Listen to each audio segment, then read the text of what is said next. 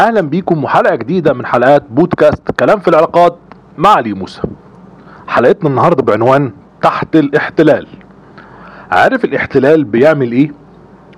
أول ما بيتمكن من الأرض أو من البلد المستهدفة بيسعى لتدمير كل شيء حلو فيها وبيحاول تغيير معالمها ورسم تفاصيلها وفق أغراضه من غير ما يراعي احتياجات ولا رغبات أصحاب الأرض. إنك ترتبط بحد يفضل مصدر لك وش الحنية والبراءة لحد ما يوقعك ويتمكن منك ويتملك من قلبك ومشاعرك وبعدين يبدأ يمارس عليك خطة نزع هويتك. شخصية في البداية بتكون مبهرة جدا وجذابة للعين والقلب ويفضل كده لحد ما يخضعك. ودي مرحلة كده اللي هي بنسميها ال love bombing أو ال love showering أو الإغراق في الحب. اللي الشخص في البداية بيكون لطيف جدا ويعمل لك كل حاجة نفسك فيها وكل حاجة بتتمناها ويكون لك كما تحلم وكما تتمنى. بعدها وبعد ما بيتمكن منك بيقلب آه، لشكل وحش مخيف.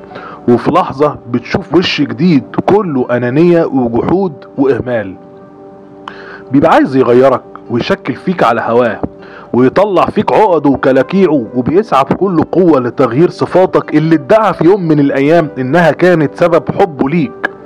ويفضل يساومك ويلوي دراعك عشان تنفذ رغباته وإلا هتبقى أنت جاحد ومش بتحبه.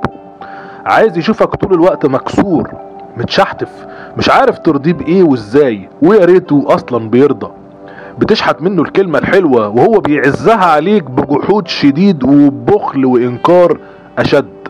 عايزك طول الوقت داير في فلكه متعلق بيه ومش شايف غيره.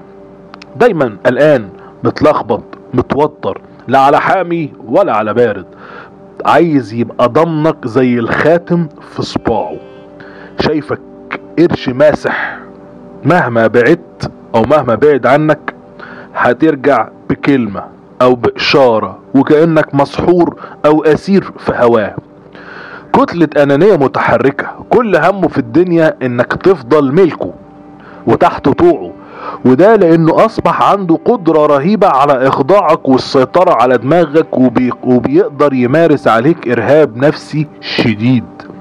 بمعنى آخر بيطلع عليك عقد وكلاكيع ومركبات النقص اللي عنده لدرجة تخليك مع الوقت تحس بالذنب تجاهه. وإنك أنت السبب في الخلل اللي وصلت له العلاقة. بتفتقد لكل معاني الأمان والاحترام وبتشعر إنك سجين وفاقد الثقة في نفسك.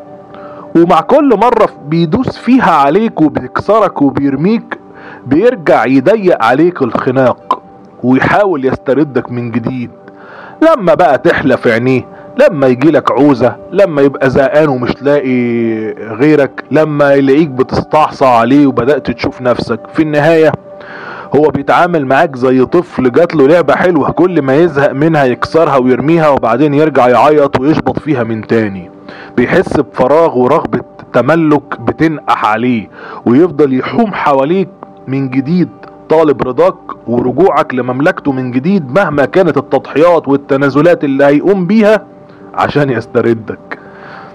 عشان كده مش كل حد ماسك فيك ومكلبش يبقى بيحبك بجد أو اتغير بجد لأن ده نوع شاذ من العلاقات بيكون مرهق قوي من كتر ما أنت حاسس بالاستنزاف لطاقتك ومشاعرك وصحتك اللي بتدبل بالبطيء. اثبت مكانك.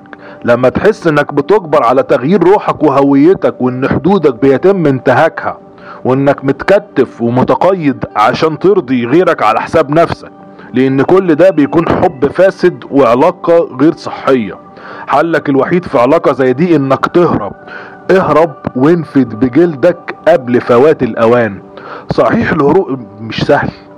الهروب مش سهل مع سجان مختل زي ده وبيحتاج منك شجاعة وصبر الجبال.